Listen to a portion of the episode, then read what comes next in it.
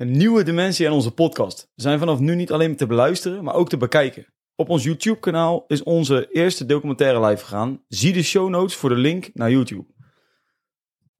Om te kunnen overleven in een kamp had jij onder andere de volgende dingen nodig: een shirt, een broek, schoenen, veters, knopen, eten, eten, eten. Het nadeel is dat je van deze spullen meestal niet genoeg kreeg in de kampen. Dat moest je dus ergens anders vandaan gaan halen. Daar komt de zwarte markt om de hoek kijken.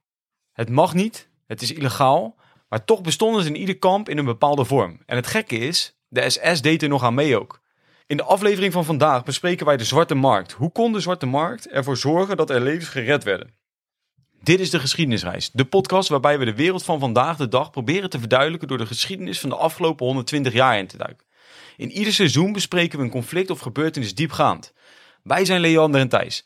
Leander is een geschiedenisenthousiasteling en ik ben een geschiedenisdocent en samen is onze missie om van jou een amateur-historicus te maken. In de concentratiekampserie nemen we je mee van het prille ontstaan van de concentratiekamp in 1933 tot de massamoordkampen van 1945. Hierbij staan we stil bij de ontwikkeling van de kampen en hoe deze werkten. Ben jij benieuwd naar het antwoord op de bovengenoemde vraag? Luister dan naar deze aflevering van de Geschiedenisreis podcast.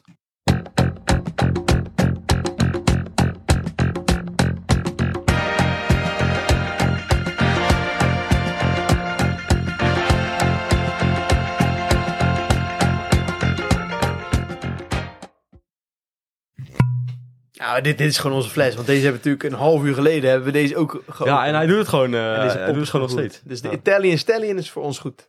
Ja, precies. Ja, dat is wel de tot nu toe gewoon de meest stabiele ook wel. Ja. gewoon, misschien wel van alle flessen die we hebben. Ehm, het thema wat we nu gaan bespreken, Thijs. Ja. Als je dat nu zou, als ik dat nu tegen jou zeg, zonder dat de kijker dat weet, waar denk je dan direct aan? Levensreddend. Bij dit thema. Ja, Dat zou je misschien niet zeggen als je hoort, want jullie hebben al gelezen dat het over het zwa- zwarte markt gaat. oh, ja zo natuurlijk, dat hebben ze gelezen. eh, als je hem aanklikt, dan waarschijnlijk. Maar eh, ik dacht, we gaan heel veel klein beetje... wordt wat geknipt en geplakt hier. maar eh, ja, ik denk dat dat wel, dat, dat, dat dat hem wel is, ja. ja. Ja, ze, ja, ze weten denk ik wel dat het over een zwarte markt gaat. Ja. Ja, precies. ja, maar ik vond ergens de vraag nog steeds wel prima. In die zin dat eh, bij een zwarte Ja. markt eh, denk je aan iets illegaals. Wat ook is, klopt ook. Ja, Eh, maar in dit geval redt het levens. En ik zal zo gaan toelichten waarom. En waarom het echt wel een heel belangrijk onderdeel was van kampen. Ja, terwijl dit is dus illegaal in iets wat ook illegaal was, omdat het in een concentratiekamp Ja, was. dat is echt natuurlijk wel een, eh, een, een beetje een gekke situatie. Ja, zeg maar. precies. Het wordt, het wordt ook wel een beetje een, een, een, een raar verhaal. Want het mag eigenlijk niet. Maar vervolgens Niks eh, mag daar. Maar er gaan ook mensen aan meedoen die zouden moeten toezien op dat het wel of niet mag. Ja. Nou ja, eh, ja, want, want, ja, want je bent in een, eh, in een concentratiekamp waar eigenlijk helemaal eh, niks is. Ja. En dan heb jij eh, op een gegeven moment producten die jij kan eh, ja, verhandelen, kan krijgen, kan verkopen. En dat noem je dan een zwarte markt. Ja, Heel simpel gezegd. Ja, en over het algemeen, hè, dus zoals we zeiden, een zwarte markt is iets wat normaal gesproken niet op de markt te krijgen is. En eh, dat kan zijn iets illegaals, of dat kan zijn eh, dat het eh, op een verkeerde manier gekregen is, of verkregen is, of iets in die richting. Maar wat natuurlijk in die kampen heel erg aan de hand was, dat hebben we, dat hebben we denk ik wel eh, al flink besproken voor- voor een deel. En dat gaat in eh, wat jullie gaan horen de komende afleveringen nog steeds erger worden. Is dat er een tekort is aan alles. En waar een tekort is aan alles, gaan mensen er ook alles aan doen om proberen dat tekort natuurlijk eh, weer weg te krijgen, zeg Nou. maar. Dus er is een tekort aan eten, kleding, onderdelen van kleding. Dus niet echt alleen het jasje zelf, maar bijvoorbeeld ook een knoop die op het jasje zit. Daar is een tekort aan. Want als dat afbreekt, dan valt jouw shirt open. Dat wil je niet. Nou, dat is koud. Ja, de schoenen en ook weer onderdelen van schoenen. Dus denk hierbij aan veters. Ja. Een veter, eh, dat is volgens mij in het boek van... eh, ja, nee, in ieder geval een van die boeken, misschien Primo Levi. Maar daar, gaat, daar wordt ook beschreven hoe belangrijk een veter is. Dat als jij hoorde dat iemand anders zijn veter knapte in de winter... dan was dat hetzelfde als dat iemand gewoon eigenlijk eh dood, doodging, zeg maar. Ja? Omdat die Oh ja. schoen, die kan dan niet meer aan. En als die schoen niet meer aankomt, moet jij dus gaan werken op je blote voeten. Bevroren je blote voeten direct natuurlijk aan, die, eh, aan, aan de sneeuw en aan, aan de kou. En als je niet meer kon werken, dan ging je natuurlijk uiteindelijk naar die gaskamers toe. Dus het, het, ho- het horen knappen van een veter kon eh, echt dodelijk zijn. Dat is gewoon een kogel eigenlijk. Ja. Ja, dus mensen gingen natuurlijk er alles aan doen om die spullen te krijgen. En ehm, ja, wat er eigenlijk, wat die kampen natuurlijk kenmerkt voor een deel, is dat er ongelijkheid is. Hm. Dus dat betekent dat er een bepaalde groep mensen is die wel spullen hebben. En een hele grote groep mensen die dat van nature niet hebben. Ja. Om redenen dat ze, dat ze die gewoon niet kregen. Of eh, nou ja, enzovoort. Zo konden van alles zijn. Maar die ongelijkheid die zorgt ervoor dat dus een markt gaat ontstaan in eigenlijk ieder kamp. Ehm, want in ieder kamp heb je, eh, heb je dat nodig, heb je die spullen nodig. Ehm, en eigenlijk wat je dus krijgt eh, met die kampen is dat ze gaan ontstaan als een soort van oplossing om die spullen te krijgen. Oké. En, maar het moeilijke is, met een markt moet je natuurlijk wel iets hebben. Dus we gaan dadelijk ook inzoomen op, ja, wat heb je dan, hoe kan je daar handelen als je zelf iets Ja, hebt. ja, want dat, dat vraag ik me nu heel erg af. Ik, ik snap op zich heel het idee van eh, het, het hebben van, of het verkopen van spullen, snap ik helemaal. Ja, Snap ik. Maar ho- hoe ga jij een knoop verkopen? Eh, want hoe wil je eerst een knoop hebben?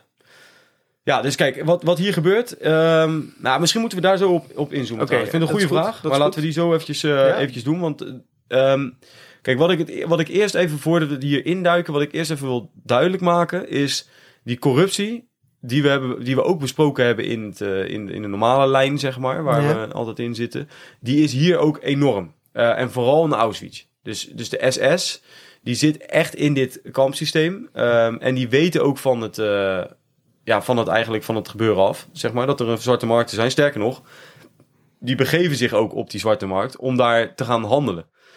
Dus, Dus- zij komen toch helemaal niks tekort? Nou, kijk, maar zij hebben wel, en dat is om voor een deel jouw vraag te beantwoorden, Ah. zij hebben wel datgene wat zij nodig hebben. Als jij een goud, gouden tand kan krijgen voor één knoop, of een gouden tand kan krijgen voor eh, één stukje brood, wat letterlijk, hoe dat letterlijk werkt, dat betekent gewoon dat iemand zijn gouden tand uit zijn mond liet trekken, om dan daarna te geven aan een SS'er die zei, hier heb je een stukje brood. Zo ging voor een deel die handel. En die SS die kon natuurlijk eh, ja, ergens gewoon eh, of knopen stelen of eh, weet ik veel, of gewoon kopen en bij wijze van spreken. En die kon ze in die kampen voor veel meer verhandelen. Omdat mensen natuurlijk alles ervoor deden om bijvoorbeeld een stukje brood te krijgen of een nieuw stukje kleding of Ja. die, die, die knoop of die veter. Dus die corruptie die houdt voor een heel groot deel dit systeem in stand. Omdat die SS er gewoon zelf voor, voordeel bij heeft. Ja, Dus dat is echt wel ja, iets wat je hier, eh, wat je hier, wat je hier terugziet. Sterker nog, wat de SS deed, bijvoorbeeld in Plassau, dat is een eh, concentratiekamp. Daar hielden ze de rantsoenen van gevangenen achter. Want die krijgen dan meer honger.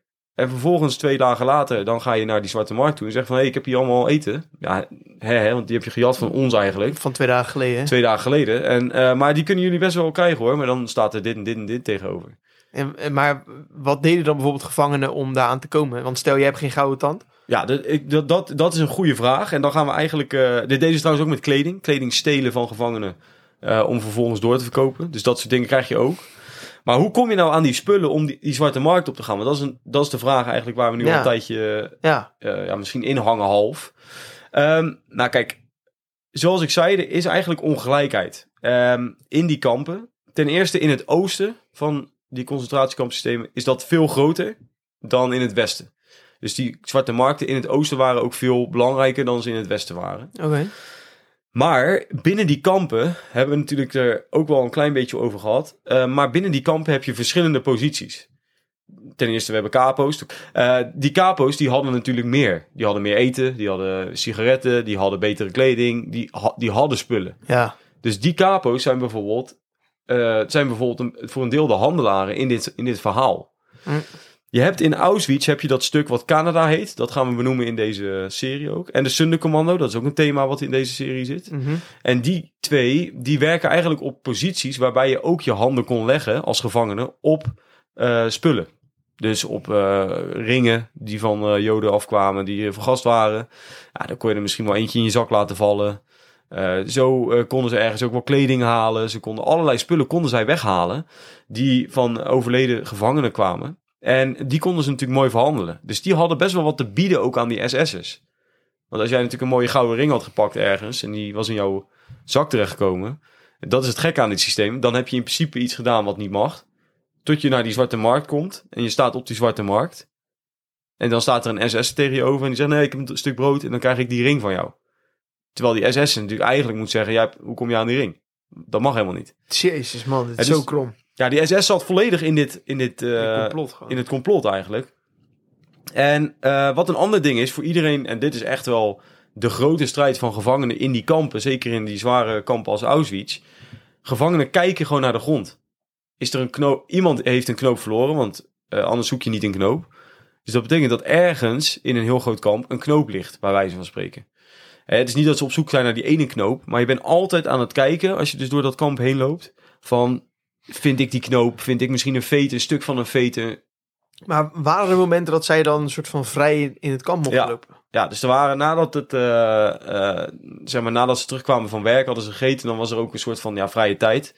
Eh, in, niet in alle kampen was dat hetzelfde trouwens, maar dat was vaak wel, konden ze daar dus hun ja, wat zaken regelen, zeg maar. Ehm, en, en daarmee, dat zijn dus de momenten ook dat ze dat, dat ze dat doen. Maar ook als je aan het werk was, zeg maar, als jij naar je werk liep, Oh, ja, tuurlijk. ja, je loopt naar je werk eh, en dan ben je aan het kijken, zie je iets, grijp je dat van de grond af en dan heb jij misschien die ene knoop die, die, die weer dat extra broodje geeft. Oh, ja. Wat ook nog een eh, ding was, eh, heel belangrijk, dit, want eigenlijk waren de brood en sigaretten was, was de euro van die markten, zeg maar. Ik bedoel, een euro zouden wij niks aan hebben in zo'n kamp, want dan zou iedereen denken, ja leuk, maar ik kan er niet op bijten, het levert me niks op. Nee. Ehm, dus brood en sigaretten is wat je nodig had. Brood kon je verhandelen voor bijna alles, maar sigaretten ook. Want de mensen die natuurlijk in een luxe positie zaten, die wilden graag roken. En die hadden genoeg brood om te verhandelen, die hadden genoeg spullen om weg te geven. Mhm. Maar die hadden misschien niet zo makkelijk konden aan sigaretten komen. En er waren eh, plekken waar je kon werken, bedrijven, die als bonus eigenlijk per dag bijvoorbeeld een sigaret of een paar sigaretten gaven aan gevangenen. Ja. Dus dat was eigenlijk je beloning. En dat klinkt voor ons van, ja, oké, je, je zit in die situatie, lekker boeiend, een sigaret. Maar als jij vervolgens naar die zwarte markt loopt, dan kon jij dus op die eh, zwarte markt die sigaret eigenlijk verhandelen voor weer een stukje brood of iets in die richting. Ja. Dus dat is echt wel, dat was een van de posities waarvoor je zou kunnen handelen, is ook om bij je werk te komen waar je uiteindelijk sigaretten bijvoorbeeld als beloning krijgt. ja. Want ja, dat is wat je nodig hebt. En werd er vanuit de gevangenen, zeg maar, eh, ook in groepen gehandeld? Dus eh, stel, ja, het is echt naam, naam te zeggen, maar stel wij zouden met z'n tweeën daar zijn. Jij vindt die ene knoop.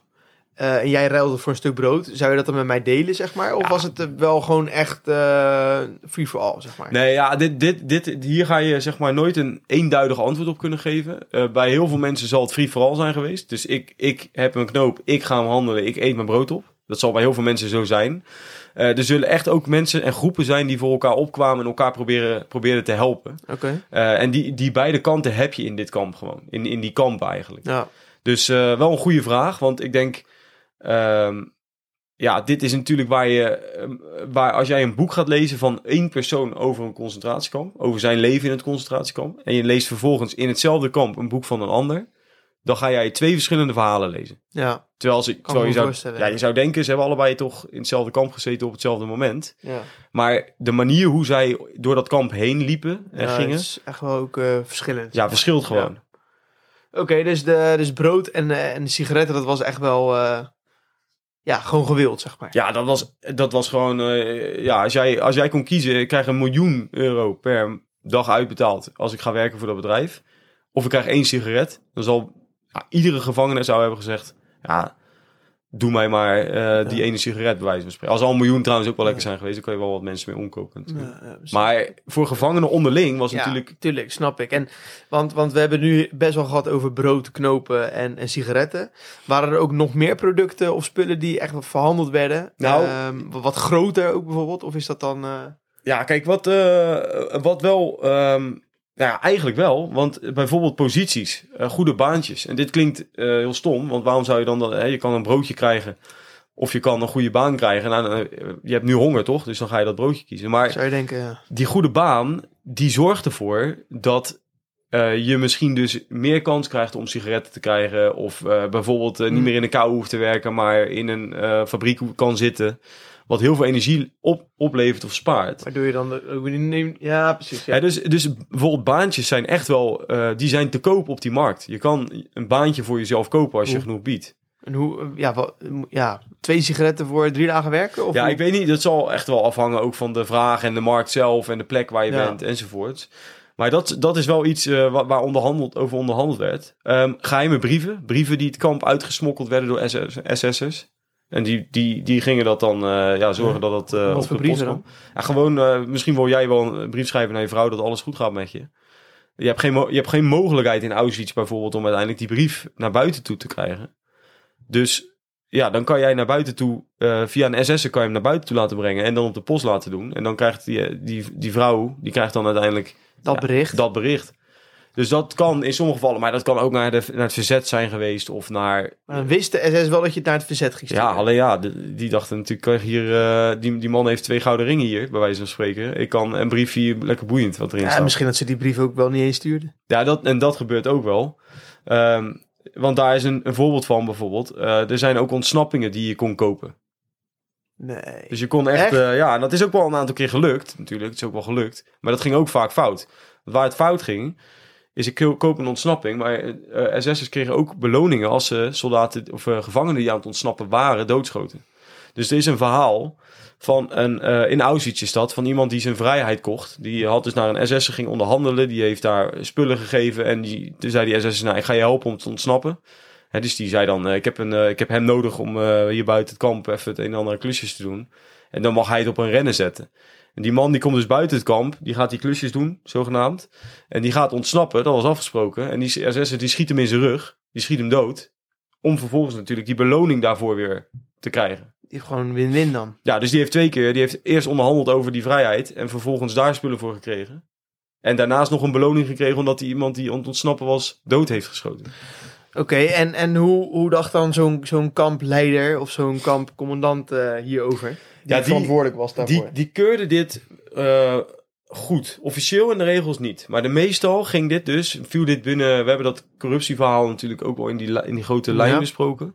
Maar eh, die wisten gewoon dat, dat zij eh, een grote probleem hadden met soldaten. En vooral de motivatie van soldaten als ze Mhm. dit soort dingen zouden Ja. wegnemen. Ja, ja, Dus ja, het was gewoon belangrijk voor de kampen en voor die bewaking om deze soort van extraatjes te kunnen krijgen. En als je, je- zullen vast wel een soort van richtlijnen zijn geweest wat je echt wel en echt niet kan doen. Ja. Eh, dus dat je daar binnen wel moet blijven. Je kon natuurlijk niet eh, 200 man laten ontsnappen eh, of iets in die richting. En ontsnappingen trouwens, dat zal echt wel een risicovol ding zijn geweest hoor, voor die man. Want ontsnappingen zullen nooit, ehm, ja, dat zal nooit door een kampcommandant goed eh, toegestaan worden. Nee, nee, dat is natuurlijk wel eentje daarboven gewoon. Ja, dat is wel echt, dat is Ja, wel echt eh, de lijn over. die- dat verhaal wat je net vertelde over die man die dat dan eh, eerst met die gevangenen onderhandelt om vervolgens in zijn rug te schieten. Die heeft natuurlijk geen seconde nagedacht om hem echt te laten ontsnappen. Nee, want, die, want er zit een risico aan. Hij neemt iemand mee naar buiten en die ontsnapt vervolgens. Ja, dan gaat hij wel ondervraagd worden. Ja, en dan gaat hij er misschien ook wel aan. Ja, nou ja, als, zeker. Er zijn echt wel eh SS'ers eh, ge- ja, opge- opgepakt en, en eh, ook wel geëxecuteerd. Omdat ze gewoon eh, ja, een soort van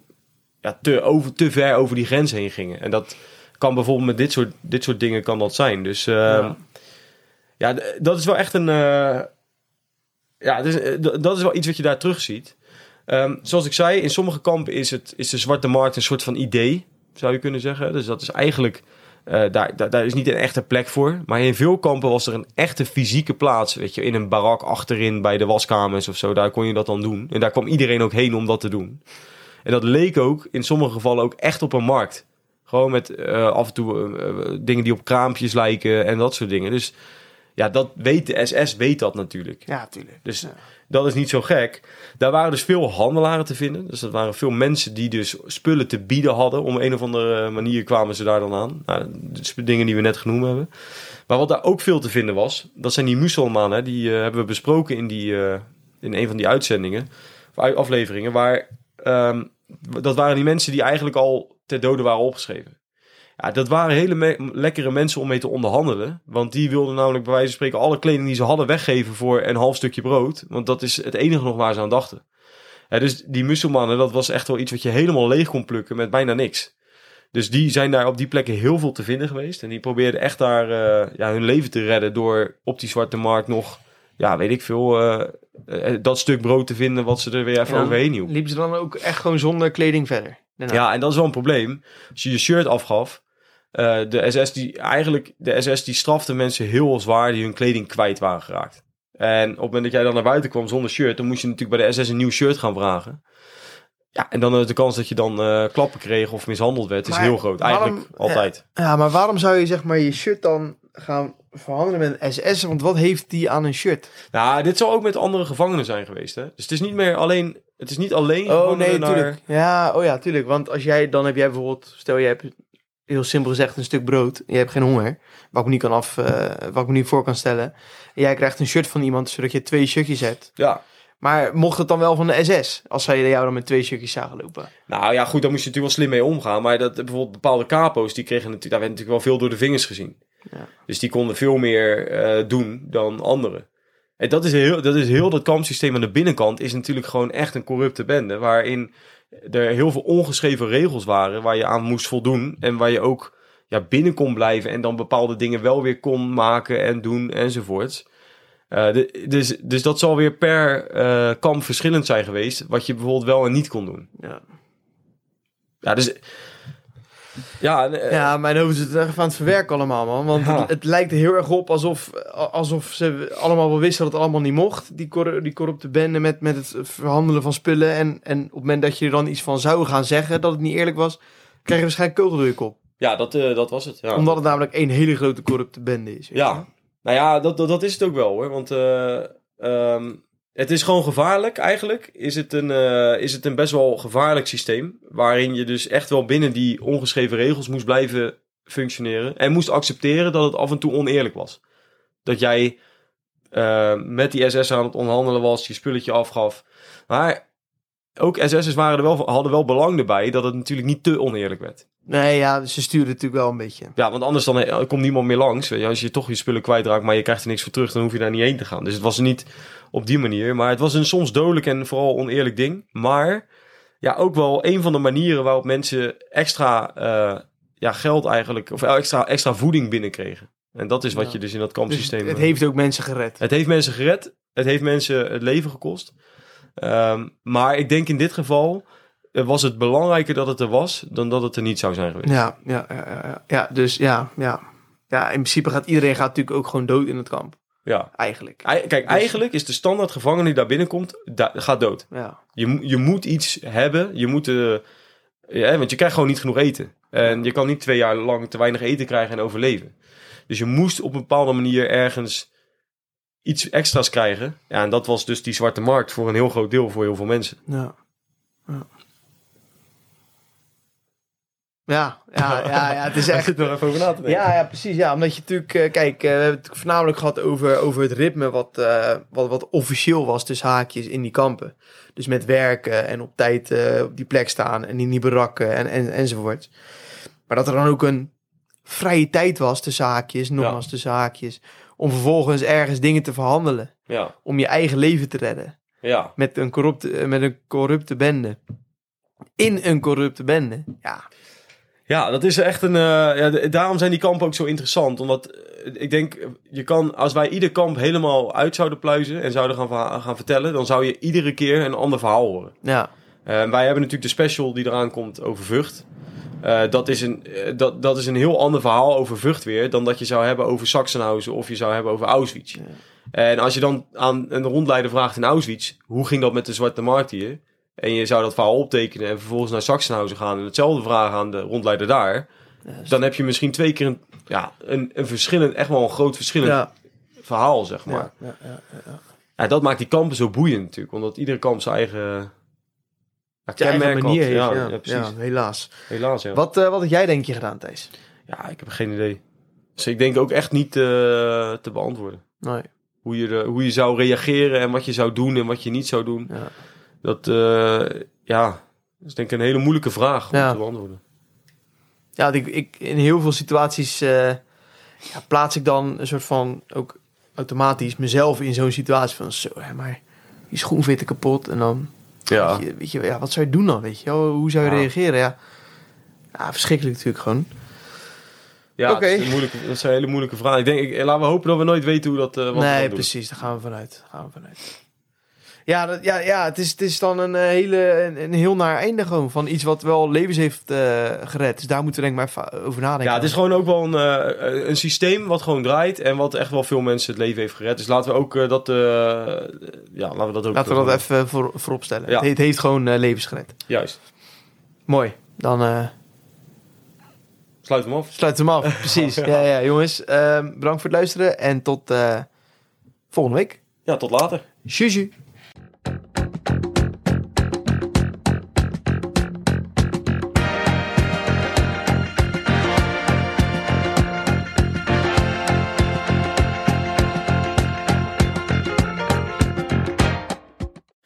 Als jij geïnteresseerd bent in het verbreden van jouw kennis over geschiedenis, of af en toe gewoon leuke discussies wilt lezen of voeren, dan is onze Facebookgroep misschien wel wat voor jou.